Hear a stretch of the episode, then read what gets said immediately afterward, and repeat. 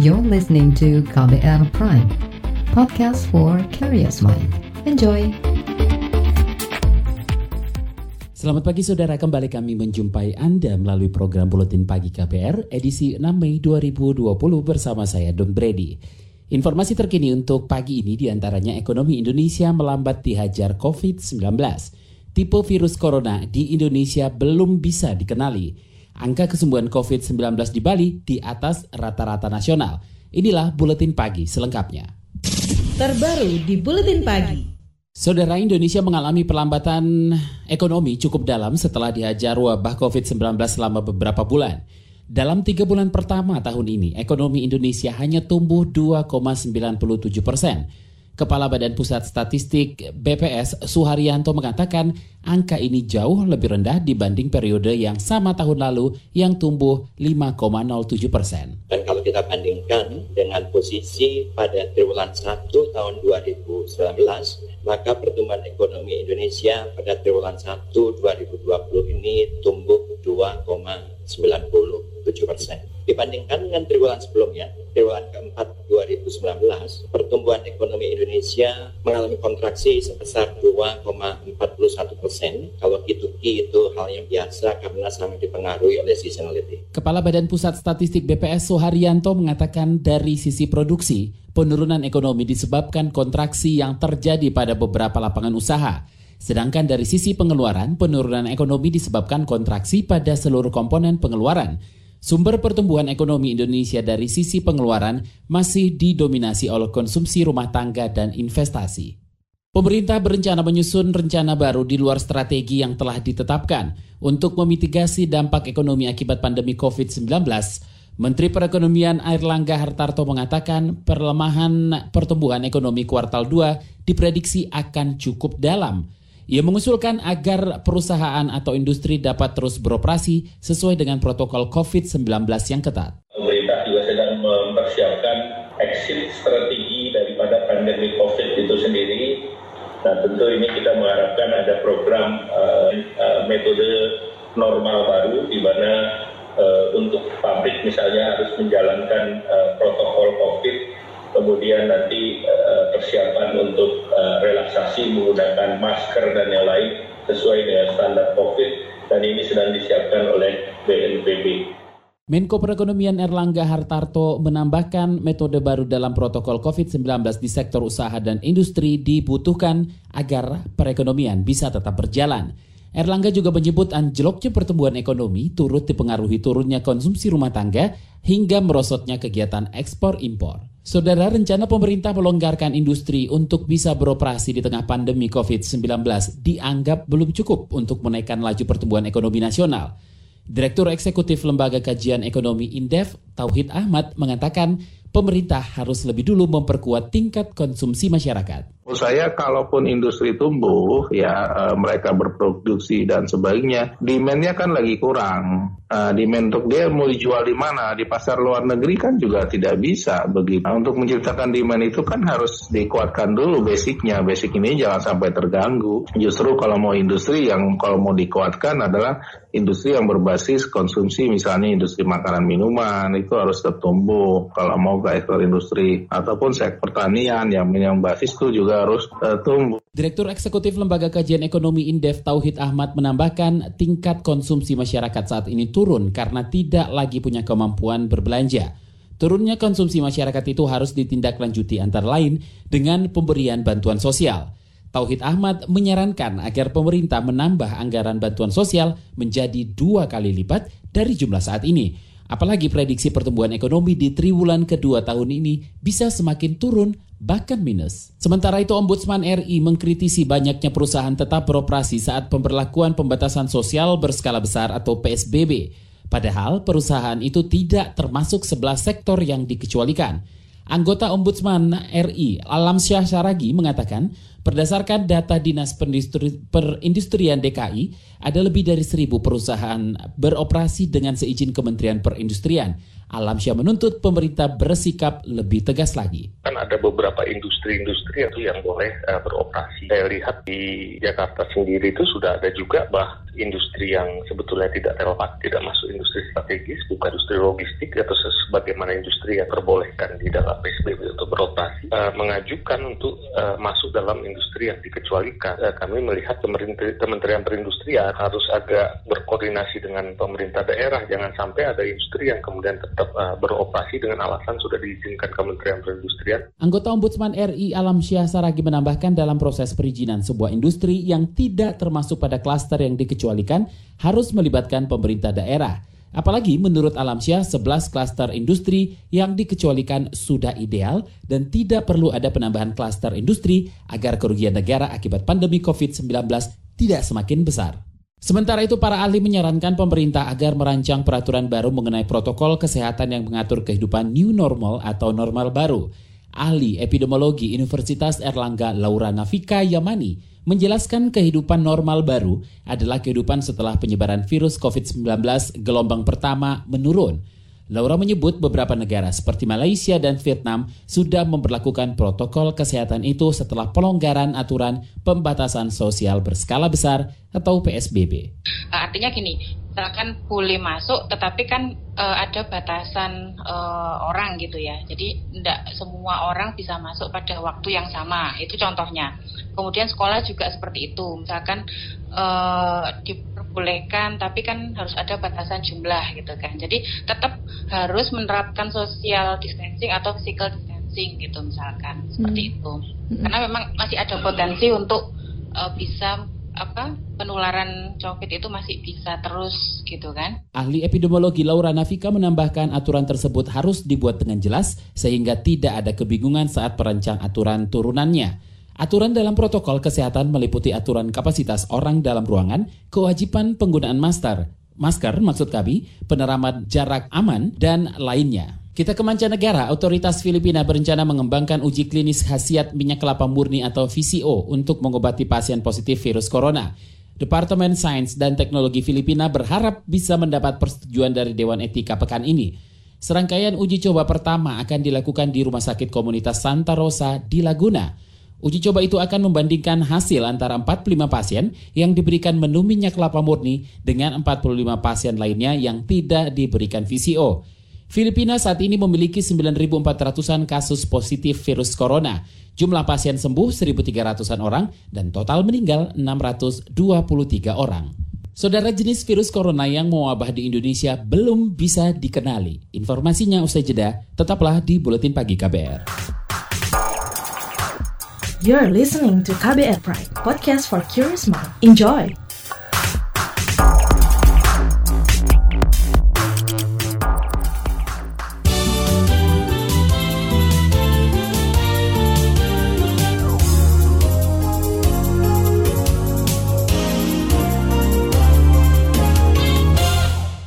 Saudara, pemerintah mengantisipasi anjloknya pertumbuhan ekonomi agar tidak berimbas kepada stok dan pasokan bahan pokok. Presiden Joko Widodo memerintahkan Badan Urusan Logistik atau Bulog terus membeli gabah dari petani. Hal itu dilakukan supaya harga di tingkat paling bawah bisa menjadi lebih baik. Mengenai manajemen pengelolaan stok untuk kebutuhan pokok, untuk bahan-bahan pokok, hitung-hitungannya betul-betul harus detail. Bulog tetap harus membeli gabah dari petani, sehingga harga di petani menjadi lebih baik. Presiden Joko Widodo mengingatkan manajemen pengelolaan Bulog harus dihitung detail supaya pasukan dan stok beras dalam negeri terus tercukupi. Jokowi juga meminta Bulog fokus memaksimalkan pemenuhan beras di tanah air, apalagi menjelang musim kemarau seperti saat ini. Sementara itu, Menteri Pertanian Syahrul Yasin Limpo memerintah, meminta para petani mempercepat masa tanam di tahun ini. Langkah itu diambil untuk mengantisipasi ancaman krisis pangan yang diprediksi oleh Organisasi Pangan Dunia atau FAO akan menimpa Indonesia tahun ini. Menurut Syahrul, selain karena faktor pandemi COVID-19, krisis pangan bisa terjadi karena musim kemarau yang diprediksi akan berlangsung panjang. Lebih khusus memang kita berharap nanti mudah-mudahan ada BK dari Pak Menko untuk uh, kita siapkan lahan-lahan yang di luar dari existing atau lahan-lahan ekstensifikasi. Ekstensifikasi itu kalau Pak Menko setuju uh, dan Pak Presiden sudah bisa mempersiapkan anggaran, kita tentu masuk ke kurang lebih 600 uh, ribu hektar yang ada untuk menjadi cadangan. Menteri Pertanian Syahrul Yassin Limpo meminta Dinas Pertanian di masing-masing daerah segera mendistribusikan bibit, pupuk, dan kebutuhan petani lainnya untuk mendukung percepatan masa tanam. Ia berharap hujan masih turun hingga Juni sehingga petani masih sempat melakukan penanaman. Kementerian Pertanian juga berencana menambah lahan pertanian seluas 600 ribu hektar untuk menjaga produksi pangan. Saudara Kementerian Riset dan Teknologi mengirim analisa gen dan data virus corona COVID-19 ke lembaga GISAID dan GISAID merupakan lembaga pengumpul data COVID-19 dari seluruh Indonesia. Menteri Riset dan Teknologi Bambang Brojonegoro mengatakan dari tiga analisa gen yang dikirimkan Indonesia, ternyata tipe virus corona yang saat ini mewabah di Indonesia merupakan tipe yang tidak dikenali. Dan ternyata tiga whole genome sequencing yang dikirim ke Indonesia termasuk kategori yang lainnya. Jadi tidak termasuk kategori S, G maupun V. Nah tentunya ini baru awal ya tentunya akan dikirim lebih banyak lagi nantinya whole genome sequencing dari Indonesia untuk melihat di kategori apa COVID-19 yang atau virus COVID-19 yang kebetulan uh, ada di Indonesia. Menteri Riset dan Teknologi Bambang Brojonegoro menambahkan penemuan jenis virus corona yang lebih baru di Indonesia ini dianggap sangat penting untuk perkembangan pembuatan vaksin. Dalam sehari terakhir terdapat penambahan 480-an kasus baru COVID-19 di Indonesia ini merupakan rekor penambahan terbanyak dalam sehari. Juru bicara pemerintah untuk penanganan COVID-19 Ahmad Yuryanto mengatakan total jumlah kasus positif terinfeksi COVID-19 di Indonesia mencapai lebih dari 12.000 kasus. Bahwa kasus konfirmasi positif bertambah 484 orang, sehingga totalnya menjadi 12.071 orang. Kasus konfirmasi positif yang sudah sembuh bertambah 243 orang, sehingga total sembuh menjadi akumulasinya menjadi 2.197 orang. Kemudian konfirmasi positif yang meninggal bertambah 8 orang sehingga menjadi 872 orang. Juru bicara pemerintah penanganan untuk COVID-19 Ahmad Yuryanto menambahkan virus corona sudah menyebar di 27 provinsi. DKI Jakarta masih menjadi provinsi terbanyak penyumbang kasus baru, disusul Jawa Tengah, Jawa Barat, dan Jawa Timur. Jumlah kasus positif corona Indonesia menempati posisi kedua terbanyak di Asia Tenggara di bawah Singapura. Laporan khas KBR tentang kekerasan terhadap perempuan di masa pandemi akan hadir usai jeda tetaplah di Buletin Pagi KBR. You're listening to KBR Pride, podcast for curious mind. Enjoy!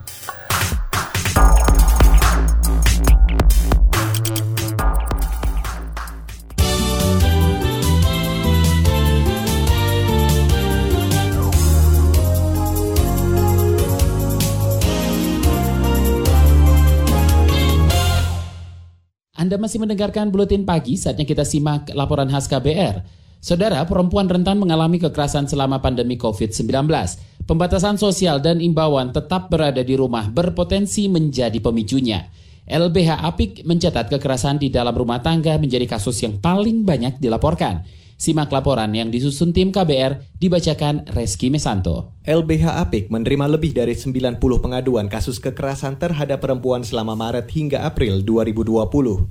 Laporan tersebut didominasi kasus kekerasan dalam rumah tangga atau KDRT. Koordinator Pelayanan Hukum LBH Apik Uli Pangaribuan menyebut, sebagian korban sebelumnya pernah mengalami kekerasan tetapi makin intensif sejak pandemi.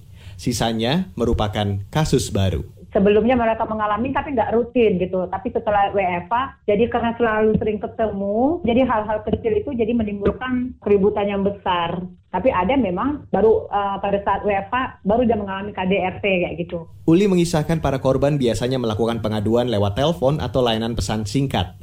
Kata dia, dalam beberapa kasus, korban mengalami kekerasan fisik saat bertengkar dengan pasangan. Mereka tak jarang mendapat intimidasi berupa makian dan ancaman. Saya tanyakan, apa bentuk KDRT yang dilakukan apa? Ya pemukulan, di sekitar bagian badan, kepala, kayak gitu. Rambut yang dijambak, ditarik. Nah kalau psikis, kata-kata ya, menakut-nakutin kayak nanti lama-lama gue bunuh lo. Kemudian ancaman-ancaman kayak gitu yang mengintimidasi. Terus kemudian yang kata-kata yang merendahkan dia sebagai manusia juga. Nah, Menurut Uli, banyak korban melaporkan kekerasan yang dialami secara sembunyi-sembunyi. Kekerasan yang diterima bisa jadi berlipat ganda apabila laporan itu diketahui pasangan. mereka takut makanya kalau misalnya melaporkan mbak saya tunggu ya mbak. Ada suami saya di sini nanti saya hubungi lagi. Tiba-tiba mati aja kayak gitu. Kita tahu bahwa dia nggak lagi nggak nyaman eh, untuk menceritakan kasusnya gitu. Karena dalam kondisi sama, pelakunya juga di rumah yang sama kan jadi kesulitan buat dia. Dan terus kedua dia takut kalau misalnya dia cerita-cerita nanti handphonenya dibaca terus kemudian si suami tahu bahwa dia telah melaporkan kasus KDRT-nya kayak gitu Para korban terpaksa bertahan di rumah meski rentan mengalami kekerasan berulang. Biasanya korban takut jika harus meninggalkan anaknya, apalagi di masa COVID-19 mewabah. Jadi ada korban yang nelpon, dia mengalami KDRT fisik dan psikis, tapi dia nggak bisa keluar karena dia bingung kalau nanti dia keluar ada jaminan nggak dia ditempatkan di mana gitu. Terus dia kemudian karena dia punya anak, dia khawatir eh, tertular virus corona atau dia malah menularkan kayak gitu-gitu. Jadi akhirnya memutuskan untuk bertahan di rumah tersebut. LBH Apik saat ini hanya bisa merujuk korban ke lembaga lain untuk mendapat konseling. Layanan pendampingan hukum juga tetap diberikan meski dengan keterbatasan. Seluruh pengaduan di LBH Apik telah diserahkan ke Komnas Perempuan untuk ditindaklanjuti. Komnas sendiri menggelar survei untuk mencari tahu faktor-faktor yang memicu kekerasan terhadap perempuan di masa pandemi. Survei ini sudah diikuti lebih dari 2.000 orang dan hasilnya akan segera dirilis. Komisioner Komnas Perempuan Alimatul Kiptiah. Dan beberapa pemi- pemicu-pemicu yang lain baik kecapean, stres, lalu profesionalitas karena membawa pekerjaan ke rumah, ke isu ekonomi dan mungkin juga untuk beberapa keluarga ada persoalan seksualitas juga karena keterbatasan ruang, lalu anak-anaknya yang biasanya mondok sekarang pulang semuanya gitu kan. Komnas Perempuan mendorong penyediaan rumah aman bagi korban kekerasan, sebab penanganan korban tak bisa hanya mengandalkan layanan konseling. Ali menyebut telah menyampaikan usulan ini kepada Kementerian Pemberdayaan Perempuan dan Perlindungan Anak. Logikanya kan kalau yang sakit aja kan bisa lari ke rumah sakit toh. Nah ini yang kemudian sakit karena karena KDRT lalu lari ke mana kalau pengadaan layanan itu tutup kan begitu ya. Walaupun saya lihat banyak yang buka online ya dari uh, pengadaan layanan yang ada gitu. Tapi kalau online itu kan sifatnya kan sifatnya konsultasi ya, sifatnya konsultasi bagaimana gitu. Tapi kalau kemudian untuk menjadi shelter kan nggak bisa ya shelter secara online kan gitu harus Pada 29 April lalu, pemerintah meluncurkan layanan psikologi untuk sehat jiwa atau sejiwa. Kebijakan ini juga untuk merespon munculnya KDRT selama pandemi. Kepala Kantor Staf Kepresidenan Muldoko mengatakan berbagai pembatasan memunculkan tekanan psikologi yang dapat memicu KDRT. Ia mengklaim kondisi ini juga dialami banyak negara. Sekjen PBB Antonio Guterres menyatakan bahwa meningkatnya tekanan sosial dan ekonomi akibat pandemi telah menyebabkan meningkatnya kasus KDRT pada perempuan dan anak-anak. Di Prancis hingga sepertiga kasus dalam satu minggunya. Amerika Selatan melaporkan ada 90 ribu kasus pengaduan KDRT. Di Australia menyatakan peningkatan pencarian online terkait layanan bantuan KDRT sebanyak 75 persen pasca pandemi COVID-19. Demikian laporan yang disusun tim KBR, saya Reski Mesanto. Informasi dari daerah akan kami sajikan usai jeda, tetaplah di Buletin Pagi KBR. You're listening to KBR Pride, podcast for curious mind. Enjoy!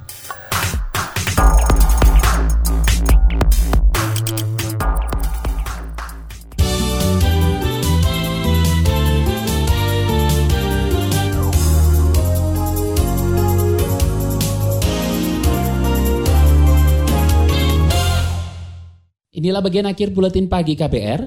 Pemerintah Provinsi Bali mengklaim kunci penanganan kasus COVID-19 di wilayah itu adalah kecepatan pemeriksaan spesimen dengan PCR.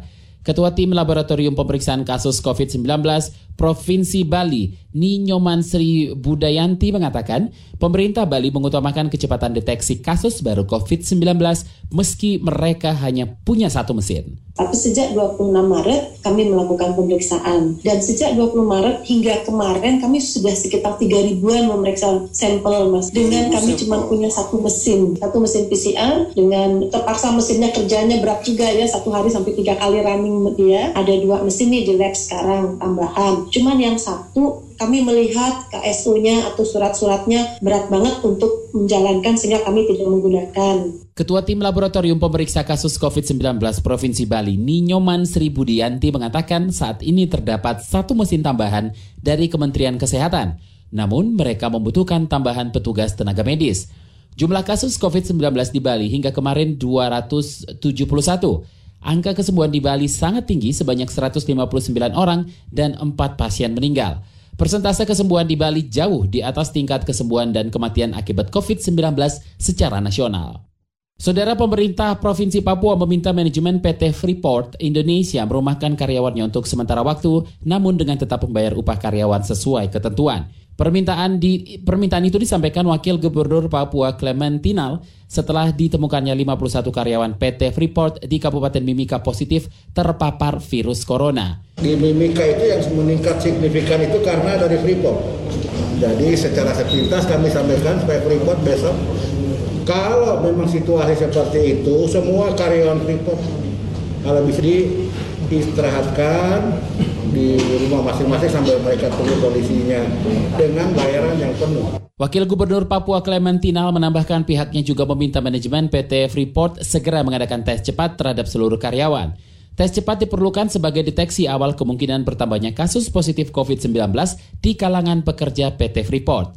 Pemprov Papua juga akan memanggil perwakilan manajemen PT Freeport di Jayapura untuk melaporkan perkembangan penanganan wabah COVID-19 di perusahaan pertambangan itu. Provinsi Jawa Barat hari ini akan mulai menerapkan pembatasan sosial berskala besar atau PSBB secara menyeluruh.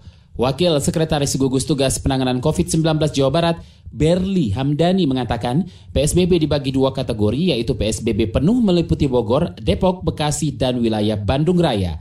Selanjutnya kategori PSBB sebagian di 17 kabupaten kota lainnya.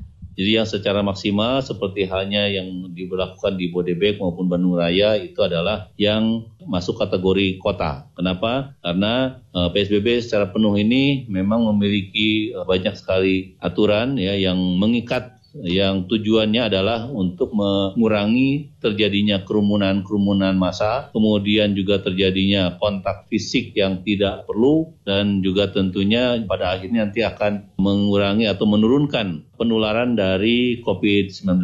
Wakil Sekretaris Gugus Tugas Penanganan COVID-19 Jawa Barat Berli Hamdani mengklaim PSBB penuh yang sebelumnya sudah dilaksanakan di Bodebek dan Bandung Raya terbukti berhasil menekan jumlah kasus COVID-19.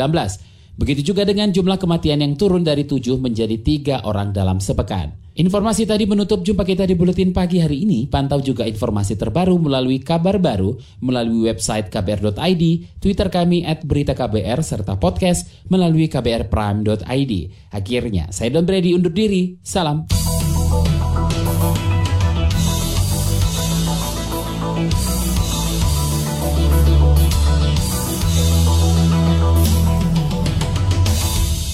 KBR Prime, cara asik mendengar berita. KBR Prime, podcast for curious mind.